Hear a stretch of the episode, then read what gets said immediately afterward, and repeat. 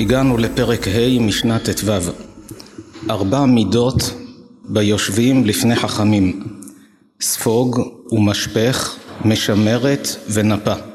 ספוג שהוא סופג את הכל. משפך שמכניס בזו ומוציא בזו.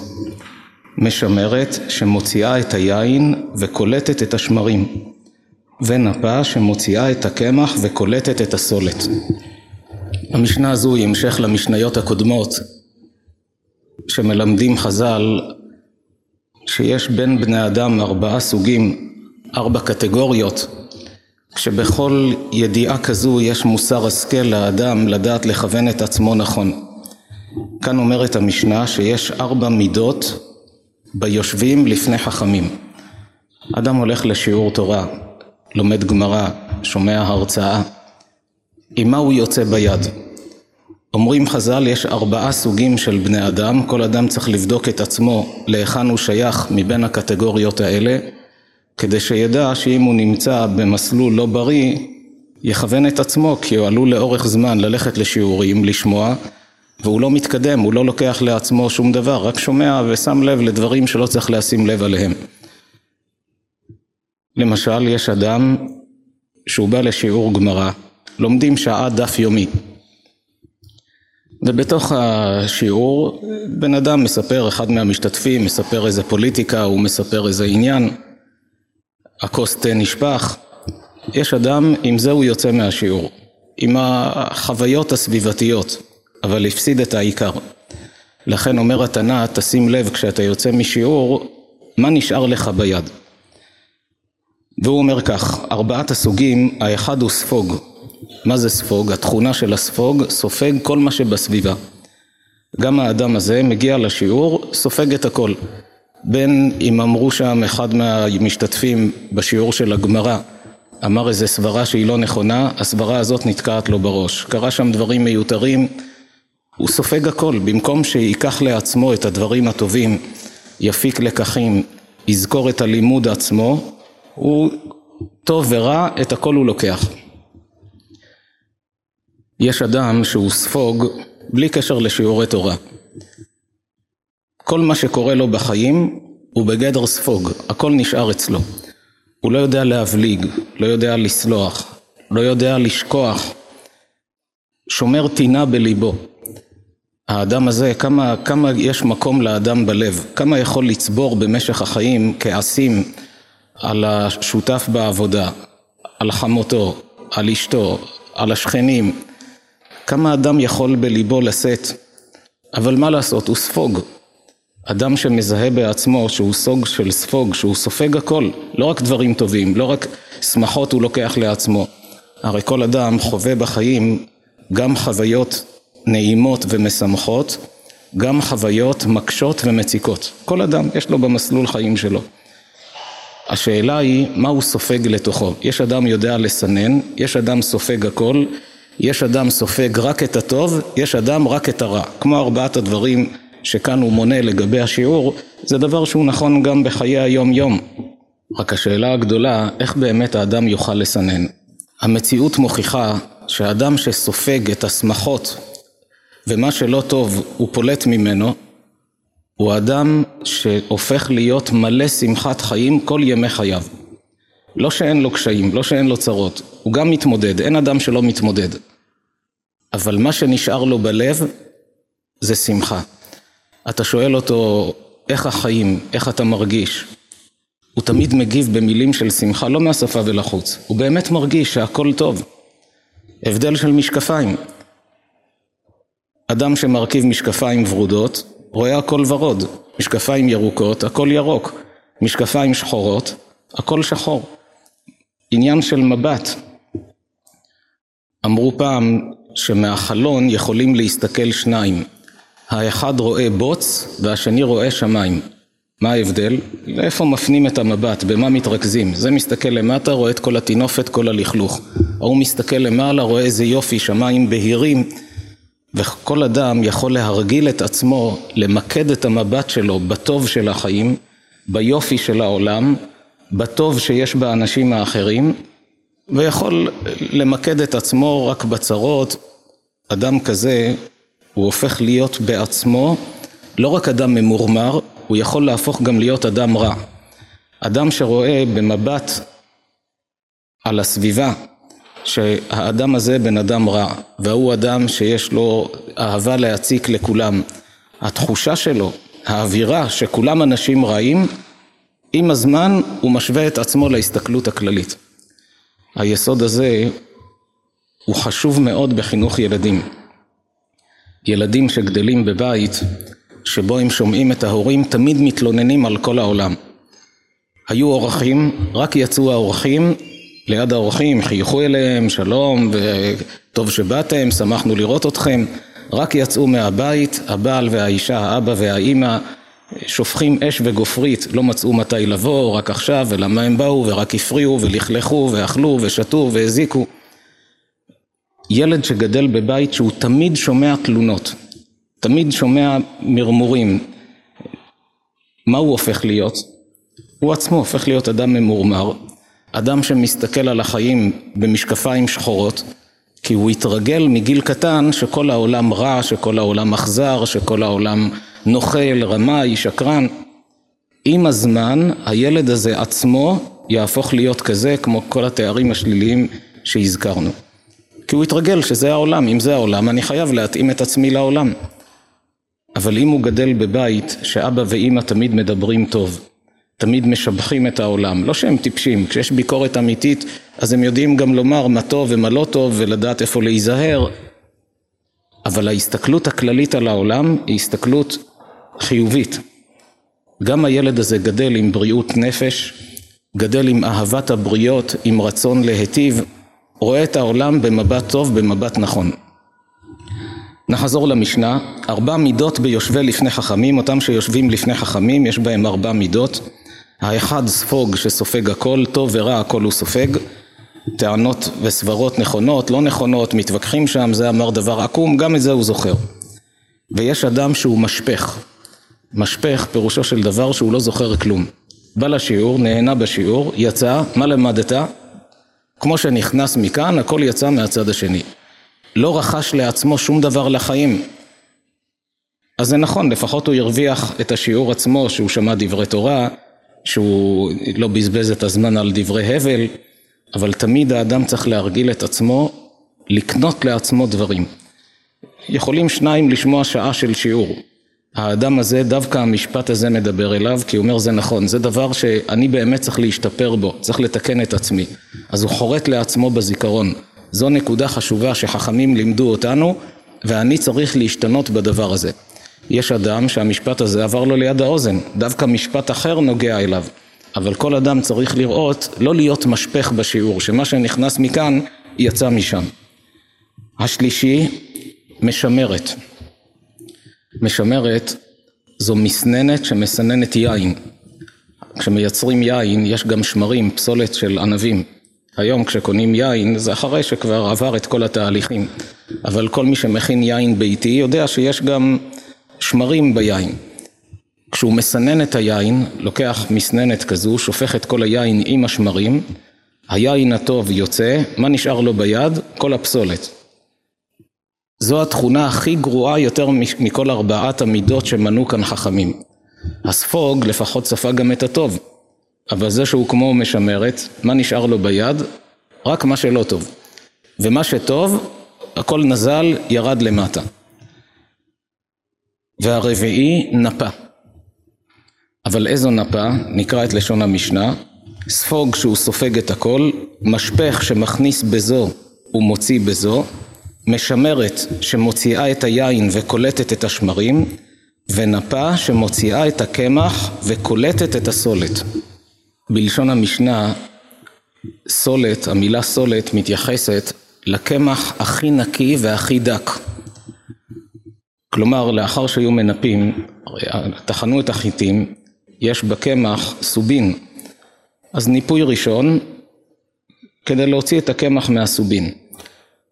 אבל אחר כך כשהיו רוצים את הסולת, כלומר את הקמח הדק מן הדק, להוציא מזה חלות הכי משובחות, הכי טובות, היו מנפים ניפוי נוסף בנפה שהיא מאוד דקה, ואז האיכות הטובה, האדם היה שומר אותה לעצמו, ואת מה שלא טוב זה גם טוב, אבל מתוך הטוב הוא מוציא את הכי טוב.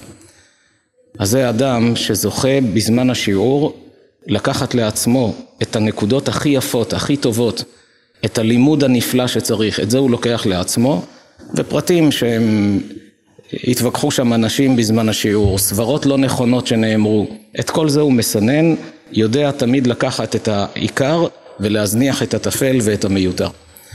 היסוד הזה שחכמים דיברו על השיעורי תורה, האדם צריך לאמץ את זה לעצמו כל החיים. כל דבר שקורה לו בחיים, תמיד לומר, גם ברע מסתתר טוב, רק אני לא רואה אותו עכשיו. כי כל דאביד רחמנא לתו אביד, מה שהקדוש ברוך הוא עושה זה לטובה. רק צריך להדגיש, מה זה כל דאביד רחמנא? אם אדם גנב, הוא יגיד הכל משמיים, הכל לטובה שגנבתי? זה לא משמיים, זה בידיים שלך, כתוב הכל בידי שמיים, חוץ מיראת שמיים. לא כל דבר שהאדם עושה יכול להגיד זה לטובה. מה שבידי שמיים זה לטובה. המראה של האדם. זה בידי שמיים. מידת ה-IQ שיש לו, לפעמים הוא כאוב. למה האדם שלידי כל מבחן מוציא מאיות ומוצלח וקולט מהר ולי לוקח הרבה זמן? זה בידי שמיים. למה קידמו אותו בעבודה ואותי לא? בידי שמיים. כל מה שבידי שמיים זה לטובתו של האדם. רצה לקנות בית, חמש שנים הוא ואשתו מחפשים דירה. סוף סוף מצאו דירה עם כיוון שנראה טוב. כמה חודשים הלכו וחזרו ובדקו והסתפקו לקנות או לא לקנות עד שערב אחד ישבו ואמרו זו דירת חלומותינו. יש בה באמת אחרי בדיקה כל מה שרצינו. מחר הולכים לחתום חוזה. הגיעו למחרת לבעל הדירה, באנו לחתום חוזה. הוא אומר חבל שלא באתם אתמול, אתמול בערב חתמתי עם מישהו אחר. באותה שעה האדם מרגיש שהלב נחמץ, כל כך רציתי. מה צריך לומר לעצמו? אם משמיים סידרו שאני לא אקנה את הדירה הזו, זאת אומרת שהקדוש ברוך הוא יודע שהדירה הזו לא טובה בשבילי. אולי כאן אני אסבול מהשכנים, אולי יש פה צרות אחרות, כי אם הדירה הייתה טובה לי, בורא עולם היה מסדר. כשאדם מכניס את האמונה לתוך החיים שלו, מהאמונה הוא מגיע לביטחון, ומהביטחון לשמחה. מה ההבדל בין אמונה לביטחון בעברית? אמונה, כשאדם נותן אמון בבורא עולם שהכל לטובה. ביטחון זו תוצאה של אמונה. בספר חובות הלבבות כותב, מהות הביטחון, כך לשונו, מהות הביטחון היא מנוחת נפש הבוטח. שיהיה ליבו סמוך ובטוח על מי שבטח עליו, שיעשה הטוב והנכון בעבורו.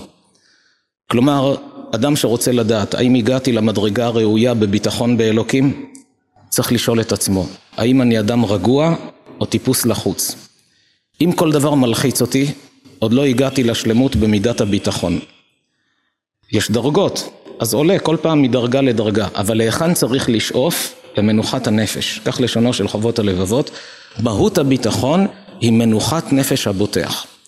כלומר, גם כשילד שפך, הרס, קלקל, ניפץ אגרטל, משך את המפה, דברים שאדם מרגיש, קרה פה אסון, גם באותה שעה הוא שומר על מנוחת הנפש.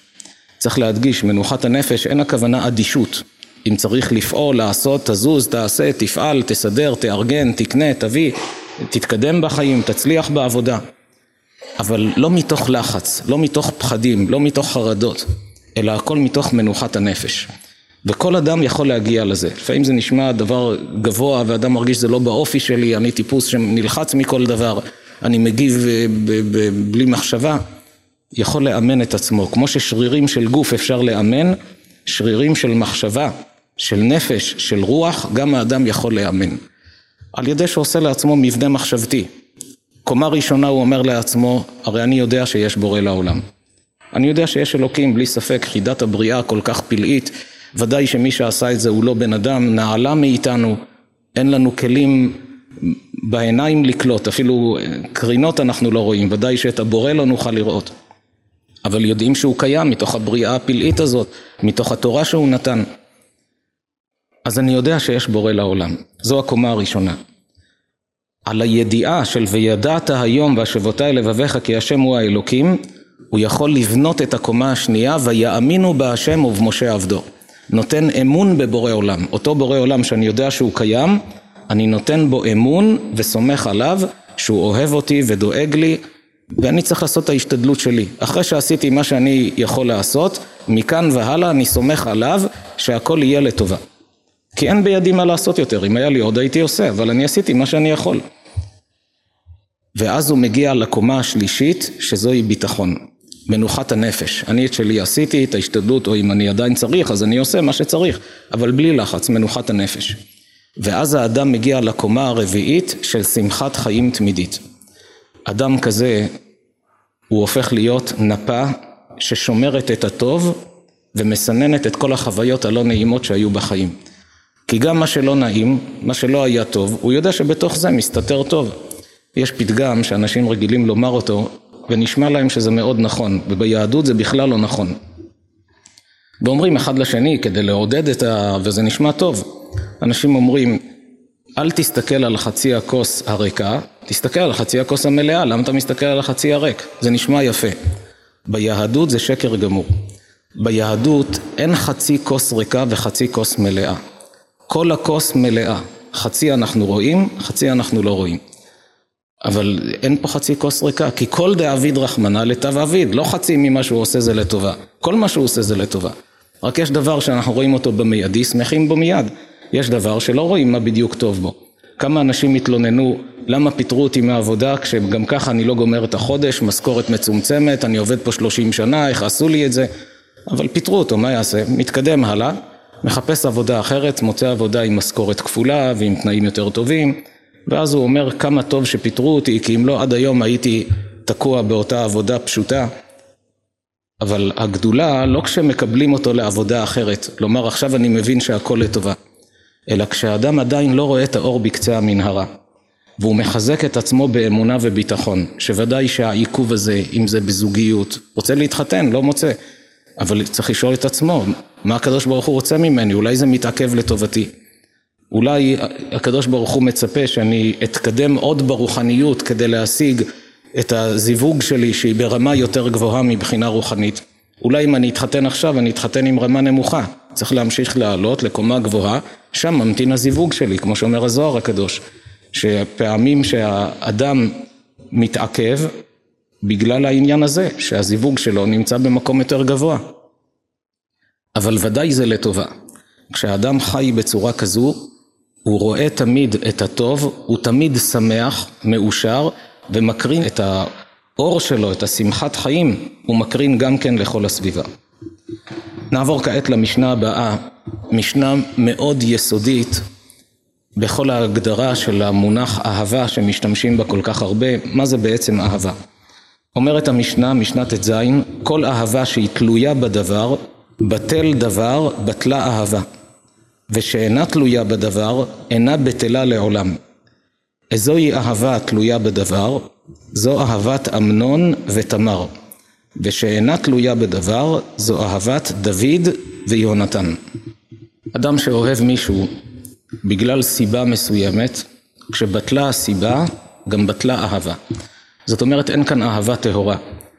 אמנון אהב את תמר כי הוא, היצרים שלו בערו בו. אחרי שהשיג את מה שהוא רצה, כתוב וישנאיה אמנון שנאה גדולה. כל האהבה הגדולה שהייתה לפני, הפכה לשנאה גדולה כלפיה. למה? כי הוא רצה להשיג משהו. ברגע שהשיג, בטל, בטלה הסיבה שמשכה אותו אליה, אז גם בטלה אהבה. לעומת זאת, דוד ויהונתן, האהבה שלהם לא הייתה אהבה עם אינטרסים, אלא דוד אהב את יהונתן, את האישיות שלו, את האדם שבו, את הגדולה שבו, וכך יהונתן אהב את דוד. הרי האינטרס הגדול של יהונתן היה לשנוא את דוד. כי דוד היה אמור להיות המלך במקום יהונתן. הסיפור ידוע מהתנ"ך. שאול היה מלך ישראל, המלך הראשון שנמשך למלך היה שאול משבט בנימין. הקדוש ברוך הוא נתן הוראה לשאול להרוג את כל העמלקים, הוא לא עמד בהוראה הזו, אבל ניצח במלחמה, עשה מסיבה גדולה. שמואל הנביא הגיע אחרי שכתוב שהקדוש ברוך הוא אמר לשמואל הנביא מאסתי בשאול אני מוריד אותו, הוא לא יהיה מלך יותר. כתוב ויזעק שמואל להשם כל הלילה, שמואל בכה והתפלל לאלוקים עד שיש לנו מלך, עכשיו אתה מואס אותו, אבל אין מה לעשות, בבוקר הלך למסיבה הגדולה שארגן שאול על הניצחון, לכבוד הניצחון, ושמואל העיר לו על, על כך. הוא אומר לו, וכי הקדוש ברוך הוא רוצה שתביא לו קורבנות? הלא שמוע מזבח טוב, להקשיב מחלב אלים, לשמוע לאלוקים זה יותר טוב מלהקריב קורבנות. ואז הוא בישר לו שתדע, אתה עברת על רצון השם, קרא השם את מלכותך מעליך. בישר לו באותו היום, תדע שאתה לא מלך יותר. מאותו רגע שאול נכנס לחרדות, היה בפחדים כל הזמן. כל דבר מלחיץ אותו, נכנס לעצבות, היו צריכים לנגן לפניו, הביאו את דוד, הוא לא ידע שזה האדם שעתיד לרשת את מקומו. אחר כך היה הסיפור המפורסם עם גוליית, אדם ענק שבא וחירף מערכות אלוקים, דיבר נגד הקדוש ברוך הוא, נגד עם ישראל, ואמר תביאו מישהו שיילחם בי נראה מי יצליח. וכל ישראל היו בורחים, מי יכול להילחם עם הר אדם כזה? דוד בכלל לא היה חייל, היה רועה צאן. שלח אותו אביו שיביא לאחים הגדולים שלו, הם היו בשדה הקרב, שיביא להם עוגות, שתייה. כשהגיע לשם הוא רואה שכולם בורחים ויוצא איזה גוליית אחד ומדבר נגד ישראל. נגד הקדוש ברוך הוא. זה מאוד הכעיס את דוד. הוא אמר אין פה מישהו שיכול לטפל בו. אמרו לו המלך אמר מי שיצליח להרוג את גוליית המלך נותן לו את ביתו. מיכל ביתו. הוא אמר אני מוכן, כולם פחדו. הוא בא לפני שאול, שאול רואה, שאול היה גבה קומה ודוד לא. אמר לו אתה פעם התנסית, אתה לוקח סיכון גדול לצאת להילחם, הוא יכול להרוג אותך. אמר לו גם את הארי ואת הדוב היכה עבדיך, אמנם אני רואה צאן, אבל היו כבר מקרים שאריה בא לטרוף, אז היו אריות בארץ ישראל, היו דובים, היום כבר אין בטבע, אז היו. אומר לו אני נלחמתי, הצלחתי להרוג אריה, הצלחתי להרוג דוב. אמר לו שאול, טוב קח את המדים שלי, לפחות מדי קרב, שריון, אתה הולך להילחם איתו. כשלבש את המדים של שאול, השריון לא היה מותאם למידה שלו, אבל לפחות שיהיה עליו הגנה. אבל ברגע שלבש, הותאם השריון כאילו שעשו אותו בשבילו. פה כבר נדלקה נורה אדומה אצל שאול, איך השריון שלי בדרך פלאית הפך להיות מותאם למידות הגוף של דוד, אולי זה האדם שעתיד לרשת אותי. פה כבר נדלקה נורה אדומה. דוד ראה שפניו של שאול לא כמו לפני, אמר לו זה לא נוח לי, אני לא רגיל לזה, אני הולך בלי זה. וכמו שכולם יודעים, עם הקלע האחד אחרי ש... שגוליית דיבר בצורה משפילה, דוד ענה לו, אני בא בשם השם אלוקי צבאות מערכות ישראל אשר חירפת. ועם הקליע הכניס לו לתוך המוח, היה לו שריון על הראש. אבל בדיוק במקום שהיה חסר, שם בדיוק נכנס הקליע, התמוטט ומת, כרת לו את הראש. והניצחון של עם ישראל. היה שירה, היה זמרה, עשו תהלוכה גדולה, תהלוכת פאר של הניצחון. והנה שמעו שאול הולך בתהלוכה, דוד גם נמצא שם, אבל הוא שומע שהעם שר, היכה שאול באלפיו ודוד ברבבותיו. רבבה זה עשרת אלפים. אז שאול גיבור גדול, הוא היכה באלפים, אבל דוד רבבות. פה שאול שוב קיבל צביטה בלב, אני שומע פה רמזים שזה האדם שעתיד להיות מלך במקומי. נתן לו את מיכל כמו שהבטיח, התחתנו. אבל אחר כך החליט שהוא רוצה לחסל אותו, התחיל לרדוף אחריו, מורד במלכות, ודוד בורח בהרים, בורח בלילות. כולם מכירים את המזמור שאנחנו אומרים אותו בשבת, מזמור לדוד, השם רועי לא אחסר, המזמור הזה צריך להתבונן במילים שלו ולקבל כוח לעמוד בכל ניסיון. מה הוא אומר שם? אומר דוד, השם רועי, הקדוש ברוך הוא הרועה שלי, לא אחסר, לא חסר לי כלום. מה פירוש רועה? אתה דוד, אתה לא כבש, אתה אדם. אבל הוא אומר כלפי אלוקים, אני כמו כבש, הוא הרועה שלי. מתי דוד אמר את המזמור הזה? ולדוד היו שתי תקופות בחיים. תקופה מאוד קשה, ששאול רודף אחריו להורגו, ותקופה שהוא עצמו הפך להיות מלך ישראל. את מזמור לדוד השם רואי לא אחסר. באיזו תקופה הוא אמר? בתקופה הטובה או בתקופה הקשה? כשרואים שם את ההמשך, גם כי אלך בגיא צלמוות לא ירא רע, מבינים, הוא אמר את זה בתקופה הקשה. כששאול היה רודף אחריו להורגו, ובלילות הוא בורח, כתוב שהיה מסתתר במערות, היו לו כמה דברים פלאיים, חז"ל אומרים במדרש, שהוא שאל את הקדוש ברוך הוא, בשביל מה בראת עכביש? מה התועלת מהעכביש? וכששאול רדף אחריו בין ההרים ראה שאין איפה לברוח, הצבא רודף בלילה, ראה מערה אחת, כוך כזה קטן, דחק את עצמו, נכנס פנימה לתוך המערה. אבל הוא ידע שזה עניין של עוד חצי שעה, שעה, יבואו יראו איפה הוא נעלם, יש פה מערה, ייכנסו, יהרגו אותו. אבל זה המקום היחיד שהיה לו מפלט. שלח הקדוש ברוך הוא עכביש, והעכביש טבע כורים במהרה על פתח המערה. מערה קטנה מיד התמלאה בכורים. כשבאו החיילים של שאול, איפה הוא נעלם? מסתכלים, פה לא יכול להיות. אם הוא היה נכנס, הוא היה קורע את הכורים. אז הוא ודאי לא פה, המשיכו הלאה. וכך חייו ניצלו. אמר לו הקדוש ברוך הוא, אתה שואל אותי למה אני בורא דברים מיותרים? אצלי אין דברים מיותרים. כל דבר יש סיבה למה אני בורא. עוד במדרש יש כמה סיפורים בעניין הזה. ובאותה תקופה שדוד בורח בחשיכה, הוא אומר גם כי אלך בגיא צל מוות, מה זה גיא? בין ההרים, המקום הנמוך. פירוש המילה צל מוות, כל רגע אני רואה את הצל של המוות. הוא רץ, וכאילו שמלאך המוות מרחף מעליו עם הכנפיים שלו, רודף אחריו. אני רואה את הצל שלו עליי, עוד מעט הוא מגיע. גם כי אלך בגיא צל מוות, אומר דוד, לא ירא הוא הולך, רודפים אחריו להרוג אותו, ובא לו לשיר, מזמור לדוד. איזה אדם במצב כזה, עם כל הפחד הזה, פתאום מרגיש צורך לשיר. זה רק אדם שזוכה לשיוויתי השם לנגדי תמיד. דוד המלך העיד על עצמו. שיוויתי השם, מה זה שיוויתי? שיוויתי זה שמתי. אני שם מול העיניים שלי את הקדוש ברוך הוא. השם, שם הוויה, י' כו' כ', שיוויתי השם לנגדי תמיד. אני תמיד רואה אותו מול העיניים. תמיד אני שואל את עצמי, מה הוא רוצה ממני? אגב, אדם שחי כך, הוא לא משועבד לאחרים. יש אנשים, אמרו לו שמן, עכשיו עושה דיאטה של שנתיים. אמרו לו רזה, מתחיל לאכול ולפטם את עצמו. אמרו לו יש לו אף גדול, הולך לחתוך את האף בניתוח. אנשים יותר מדי חיים על פי מה שהסביבה אומרת. אבל אדם צריך לומר לעצמו, המדד אצלי זה לא מה אנשים חושבים עליי. אלא שיוויתי השם לנגדי תמיד, מה הקדוש ברוך הוא אומר עליי?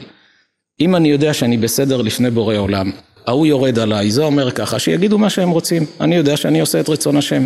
ואם מעירים לי על דבר שעל פי רצון השם אני לא בסדר, אז אני אתקן את עצמי לא בגלל האדם הזה. תודה שהוא עורר אותי לכך שאני אתקן את עצמי על פי רצון השם. כמו שהרמב"ם מעיד על עצמו באיגרת המפורסמת, כותב הרמב"ם, רבי משה בן מימון המפורסם, הוא אומר שמשמיים יכולים להעיד עליו שהוא שמח יותר באדם שמעמיד אותו על טעותו מאדם שמביא לו ראייה שהוא צדק. הרמב"ם פסק הלכות בכל חלקי התורה והיה מקבל מכל העולם שאלות וקושיות ותירוצים. אם הוא קיבל הערה שהוכיחה לו שהוא טעה בהלכה, הוא מעיד על עצמו, אני שמח באדם הזה יותר מאדם שהביא לי הוכחה על הלכה אחרת שצדקתי בה. כי זה שהביא לי ראייה שצדקתי, גם אם לא היה מביא ראייה, זו הייתה דעתי, אז הייתי נשאר בה בכל מקרה. אז הוא חיזק את זה, יפה, זה משמח. אבל ההוא שהוכיח לי שטעיתי, אני שמח בו עוד יותר, כי בלעדיו הייתי נשאר בטעות. רוב האנשים רק רוצים שיחניפו להם ויגידו להם אתה טוב ואתה נחמד. הרמב"ם אומר אני מחפש את האמת. כך אדם שמרגיל את עצמו לשיוויתי השם נגדי תמיד, הוא חי על פי האמת, לא על פי מה אנשים אומרים או רוצים ממנו. בודק אם זו האמת, כי זה רצון השם, אני אעשה את זה בשמחה. כך הוא מתקן את עצמו, מגיע לדרך ישרה, שמח שמחת חיים. זה היה הסוד של דוד המלך, שהוא רץ בין הרים, הצבא רודף אחריו להרוג אותו, זה לא מחבלים שהוא יכול להתקשר למשטרה, בואו תעזרו פה, יש פה מחבל. הצבא של המדינה רודף אחריו, הוא מבוקש להריגה על ידי המלך. ותוך כדי ריצה, מזמור לדוד, אומר, בא לי לזמר לקדוש ברוך הוא. מה קרה? השם רועי, הוא הרועה שלי, אז לא אחסר, לא חסר לי כלום. כי אני יודע שהרועה הזה, בנאות דשא ירביצני. נאות דשא, מקום שיש מאכלים הכי משובחים שהכבשים אוהבים, שם הוא ייתן לי שאני ארבץ. ירביצני לא מכות, לשון רביצה. על מי מנוחות ינהלני, הוא ייקח אותי למים מי מעיינות הכי משובחים שיש. נפשי ישובב, ינחני במעגלי צדק, גם סיבובים, אבל אני יודע שהכל צודק, הכל טוב, למען שמו. ואז הוא אומר את הפסוק שהזכרנו קודם, גם כי אלך בגיא צל מוות, לא ירא רע, אני לא מפחד שיקרה לי רע, כי אתה עמדי. וכאן בא המשפט הכי חשוב, שבטך ומשענתך המה ינחמוני. פה דוד מגלה את הסוד, איך הוא יכול לשמוח בשעות כאלה. שבט זה מקל שמרביצים, משענת זה מקל שנשענים עליו. אומר דוד ריבונו של עולם, השבט שאתה מכניס לי מכות איתו והמשענת שאתה נותן לי להישען עליו, המה ינחמוני. למה? כי אני יודע ששניהם ממך ושניהם זה לטובה. כמו שהמשענת לטובתי, גם השבט לטובתי. כי זה שבטך ומשענתך. למה הוא ממשיל את עצמו לצאן? כי צאן באמת לא, לא תמיד מבין את השיקולים של הרועה. נתאר לעצמנו צאן צועד על חצץ. הרועה לוקח אותם על חצץ. פתאום אחד הכבשים מסתכל ימינה, רואה עצים, יער, ויש שם המון דשא. הכבש אומר לעצמו, כולם פה טיפשים, הולכים אחרי הרועה כמו עדר. אני אהיה חכם, יש שם דשא, אני הולך לאכול. יוצא מהחצץ, פונה לכיוון היער, לפתע הרועה רואה שהכבש הזה סטה מהעדר, פונה לכיוון היער. הרועה יודע שביער יש זאבים, יש אריות, יטרפו אותו. מה עושה הרועה? יש לו מקל ארוך, חובט בו מכה קטנה, מחזיר אותו חזרה לעדר. הכבש יכול לכעוס בליבו. אני רוצה קצת דשא, אסור לאכול קצת דשא, למה הוא מכה אותי על זה? אבל אתה לא מבין את השיקולים של הרועה, הוא יודע מה קורה שם. אם הוא נתן לך את המכה היא לטובתך, להציל אותך. זה מה שאומר דוד. השם רועי לא יחסר, כי המקל שאיתו הוא מכה אותי, זה אותו מקל של המשענת שהוא נותן לי להישען, המה ינחמוני. וכך הוא, נעשה שמח. יהונתן, בנו של שאול, ידע שאביו רוצה להרוג את דוד, כדי שלא דוד יהיה המלך. יש הרבה סימנים שדוד הולך להיות המלך. האינטרס הגדול של יהונתן היה, אדרבה, שאבא יהרוג אותו, אני אהיה המלך, אני יורש העצר. יהונתן היה יורש העצר. אבל האהבה שלו לדוד הייתה אהבה טהורה, אהבה אמיתית. עשה הכל כדי להציל את דוד, לכן אומרים חכמים זו אהבה שאינה תלויה בדבר. מיותר לציין שמה שיש בתי ספר שמלמדים היום ומעוותים את השכל של הילדים כאילו שאהבת דוד ויונתן היה במושגים העקומים של המוח של המורים שמלמדים את זה, זה, זה טעות נוראה. עשו את דוד כאילו הוא היה מושחת במידות והיה מקולקל במעשים, רוצים להביא ראייה להבל שלהם, הלבישו את זה על דוד ויונתן. פה מדובר על אהבה טהורה, אהבה של, של לב, לא חס ושלום מעשים אסורים, כמו ה... ויש בתי ספר שמלמדים את הילדים, שזה הפירוש באהבת דוד ויונתן. יש כאלה שהמוח שלהם מעוות, המוח שלהם עקום, מלבישים את זה על גדולי ישראל. מיותר לומר, אבל אם לא היו מלמדים בתי ספר לא הייתי אומר, כי באמת מיותר לומר, אבל אם זה, זה המצב אז צריך גם להעלות את העניין הזה. כעת ניכנס קצת לעומקם של דברים, מהי בעצם ההגדרה של המילה אהבה? כל כך הרבה משתמשים במילה הזו, מה זה אהבה? שאלה נוספת, האם יש בעברית מושג כזה שנקרא אהבה עיוורת? היום משתמשים במונח הזה אהבה עיוורת. אבל אם מגדירים נכון מה זה אהבה, רואים שאין דבר כזה אהבה עיוורת. שאלה נוספת שכדאי גם ללבן אותה. אהבה, האם היא תענוג או סבל? בכל פעם ששואלים קהל, תמיד יש ויכוח בקהל. זה אומר אהבת תענוג, זה אומר סבל, זה אומר גם וגם. גם כאן, אם נגדיר את האהבה נכון, נגלה שאהבה כהגדרתה הנכונה היא רק תענוג. התאווה היא סבל. יש לפעמים בלבול בהגדרות אצל אנשים שמגדירים דבר במילה לא נכונה ואז חושבים שהיא מילה רעה. אבל אם מגדירים נכון מה זה אהבה ומה זה תאווה, יכולים להגיע לאיזון נכון. בואו ניכנס קצת לעומקם של דברים, מה פירוש המילה אהבה. התשובה המצויה כששואלים אנשים מה זה אהבה, סוג של רגש, שאדם מרגיש שזה רצון להיות קרוב, להתקשר, זה, זה אהבה. יש פסוק שכולם מכירים בתורה, אחד הפסוקים הכי מפורסמים בתורה, ואהבת לרעך כמוך. שואל הרמב"ן, בעברית לא מדברים כך. בעברית לא אומרים ואהבת לרעך כמוך. אומרים ואהבת את רעך כמוך, כך צריך להיות כתוב בתורה. כל הדקדוק העברי לומדים אותו מהתורה. כשיש ויכוח בין פרופסורים ללשון ואחד מביא ראייה מהמקרא, אז כולם מכריעים כמותו. וכאן לכאורה התורה דיברה שלא לפי הכללים של הדקדוק העברי. במקום לומר ואהבת את רעך כמוך, כמו ואהבת את השם אלוקיך, יש עוד מקום שכתוב ואהבת. שם כתוב ואהבת את השם אלוקיך, כך מדברים בעברית. אז מה זה ואהבת לרעך כמוך? זו שאלה ששואל הרמב"ן. שאלה נוספת, יש לנו כלל שהקדוש ברוך הוא לא דורש מהאדם דרישה שהיא מעבר לכוחותיו. אין מצווה בתורה שהיא מעבר לכוחותיו של האדם. יש בדתות אחרות דרישות לא הגיוניות. תצום שלושים יום, בנצרות אתה רוצה להתקדש, תפרוש מאישה כל החיים. היהדות אומרת אתה לא שלם כל זמן שלא התחתנת. כל אדם הוא חצי נשמה, אחרי החתונה הרי את מקודשת לי, הנשמות יתחברו. לכן ביהדות לפני החתונה שומרים כל כך על שמירת נגיעה, ואחרי החתונה מצווה להיות ביחד, עם המקווה וכל המשתמע. ביהדות אין דרישות שהן מעבר לכוחותיו של האדם. גם במצוות שבתורה וגם במאורעות שאדם נפגש איתם בחיי היום יום. כלומר אין מצב שאדם יכול לומר אשתי הוציאה אותי מדעתי, לא יכלתי לשלוט בעצמי אז התנהגתי כך. אין דבר כזה שלא יכולת לשלוט בעצמך. אם קיבלת ניסיון כזה, יש לך כוחות לעמוד בזה. זה כלל בסיסי שהקדוש ברוך הוא לא מביא ניסיון לאדם אם הוא לא יכול לעמוד בו. אם כך, איך התורה מצווה כל אחד מישראל לאהוב את השני כמוך? זה בהישג יד. כמה אנשים יכולים להגיע לזה? כלפי הילדים של האדם אפשר להגיע. ואהבת את ילדך כמוך, אין שום בעיה.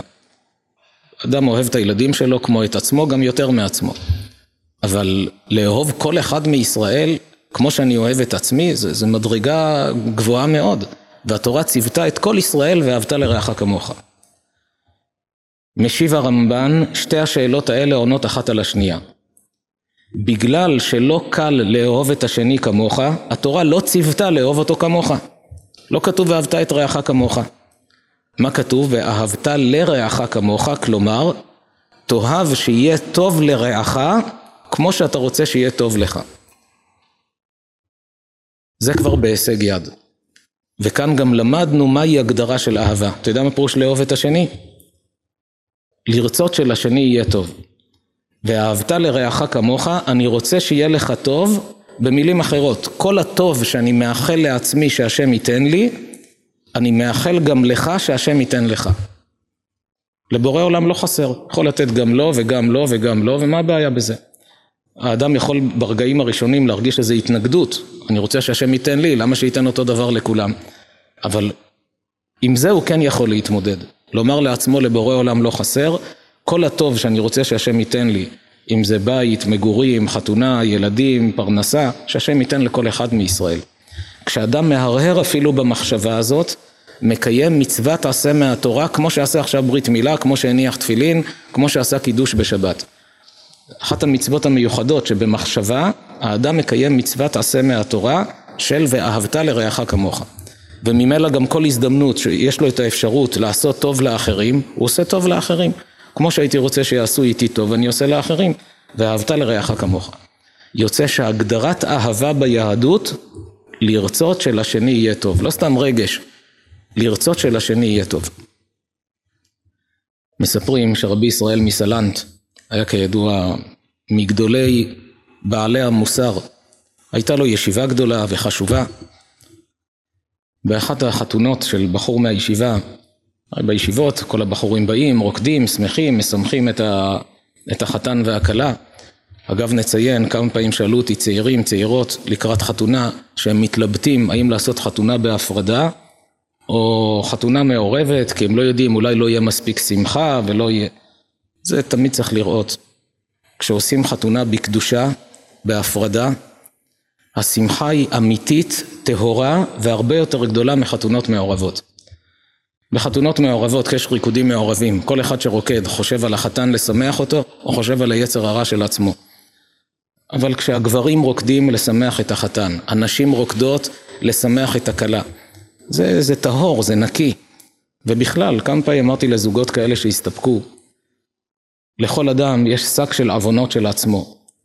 בחתונה כשעושים תשובה כתוב זה כמו יום הכיפורים. אנשים הולכים לחתן, לכלה, מבקשים בהם ברכה. מה קרה, נהיה יום בבא סאלי, מבקשים ממנו ברכה?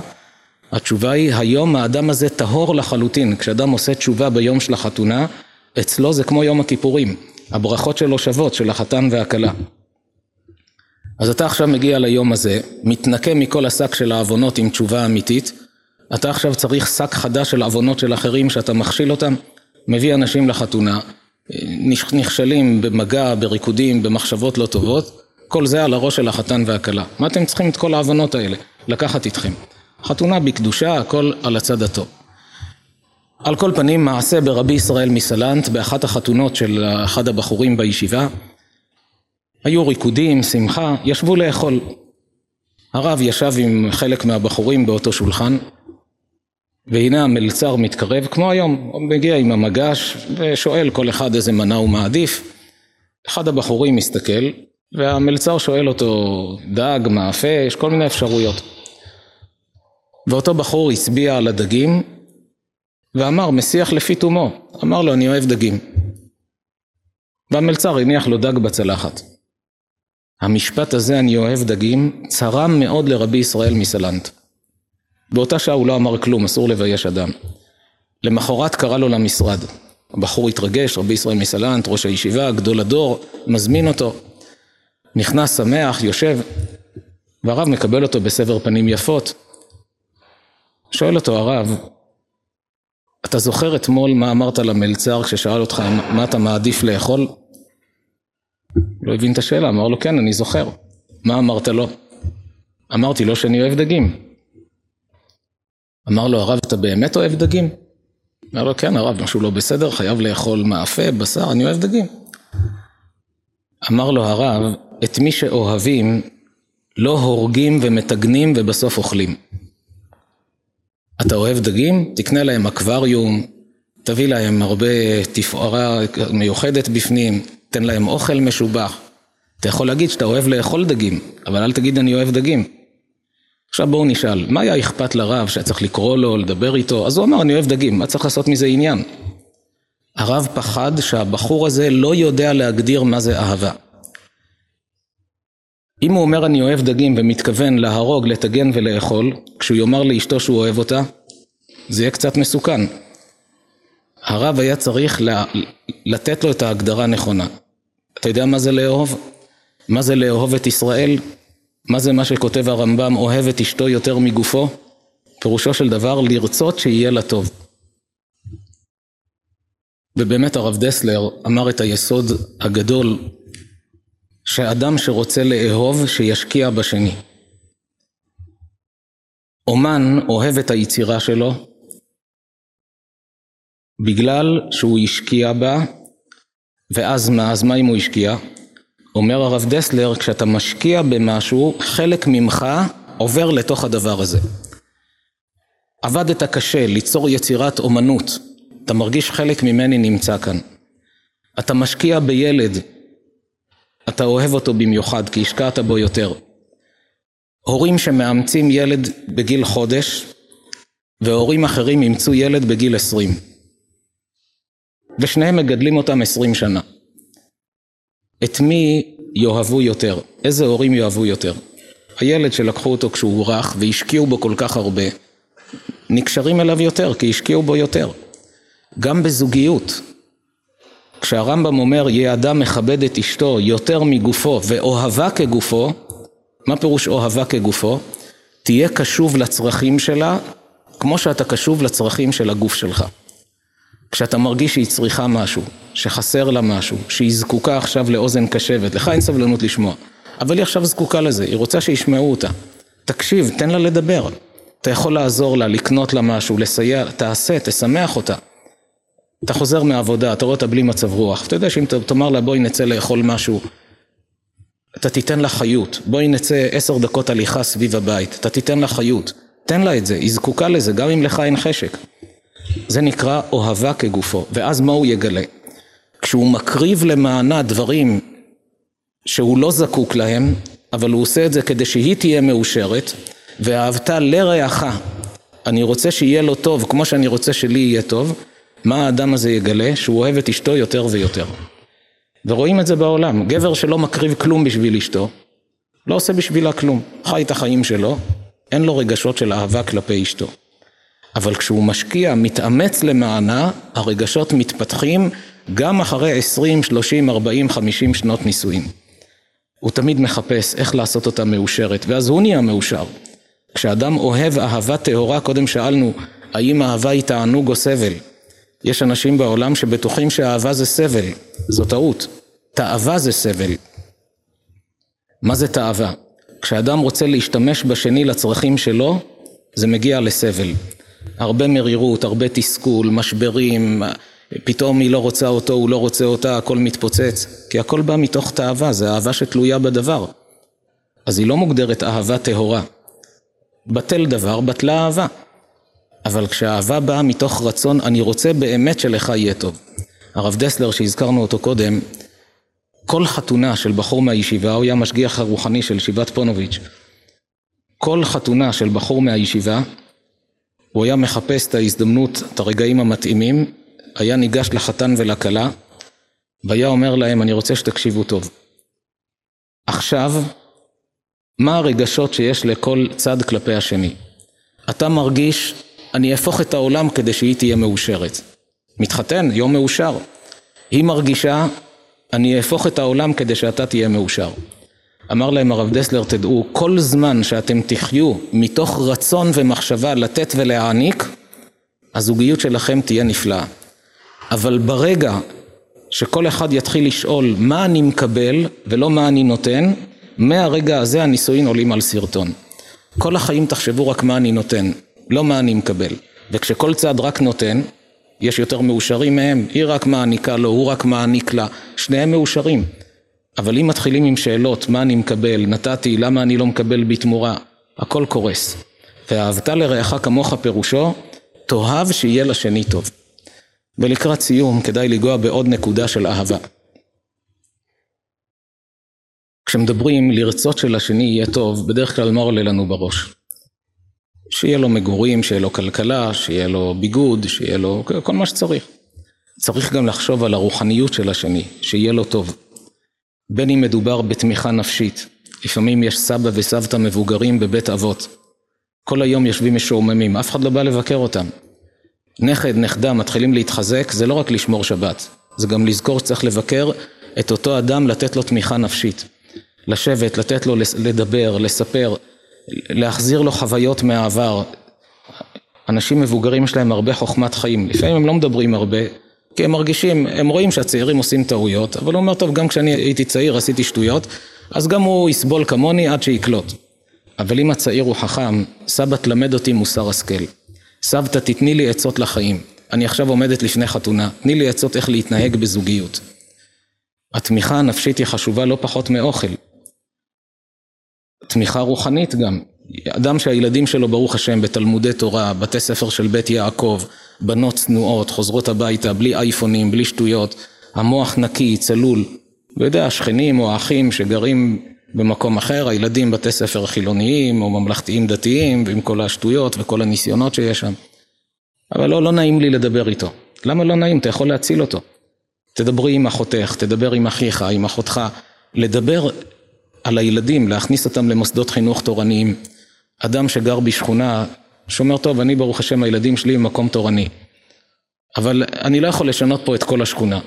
יש כאלה עשו יוזמה נפלאה, מודיעים דרך הגבאי בבית כנסת, שיודיע בתפילת שחרית לכל האנשים שמגיעים, שחרית של שבת, יש גם לא דתיים שבאים לתפילה, שיודיע בערבית, שביום שבת בשעה שלוש למשל או ארבע, יש כאן תהילים לילדים עם סיפורים, מתנות, הפתעות, פרסים והגרלות.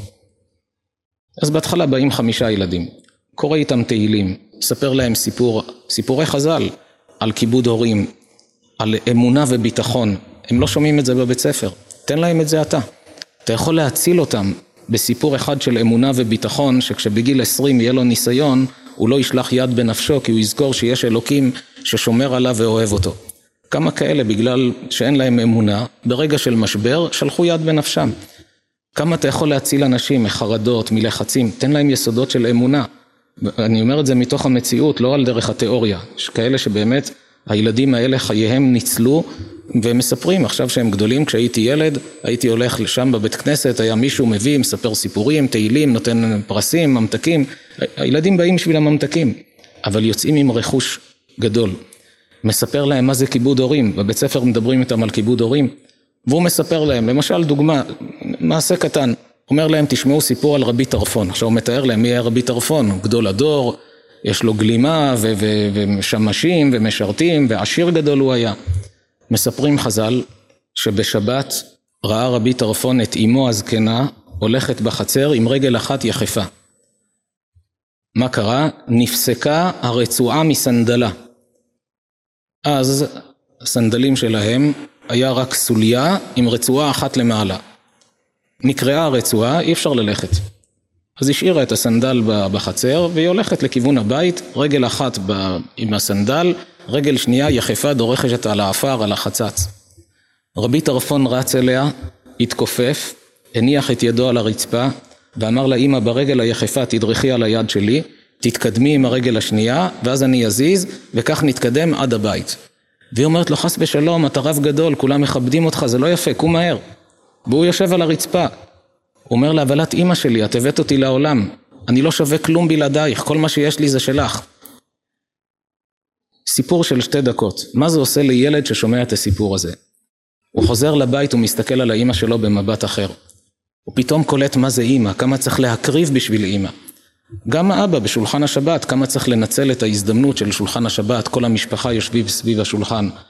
גם חשוב, כשקונים ריהוט לבית, שלאבא יהיה בראש השולחן כיסא עם ידיות. אם האמא רוצה, יש כאלה אמהות לא אוהבות את זה, אבל אם היא רוצה, גם לה יהיה כיסא כזה. אבל לפחות לאבא שיהיה כיסא מכובד, שכל הילדים יודעים, זה כיסא של אבא. ילד בן ארבע, בן שלוש, עולה יושב על הכיסא, אמא מלטפת אותו, חמוד שלי, אסור לשבת על הכיסא של אבא, זה כיסא של אבא. דבר קטן, אבל הילד בגיל שמונה, בן עשר, בן חמש עשרה, יחשוב פעמיים אם להתחצף לאבא. כי הוא יודע שמגיל קטן הוא לא יושב על הכיסא של אבא. ובשבת אבא יושב בראש השולחן, שולחן מפה לבנה, נרות דולקים, הכל לא טלפונים ולא שום דבר. אווירה של שבת. מקדש, דברי תורה, שירים, סעודה.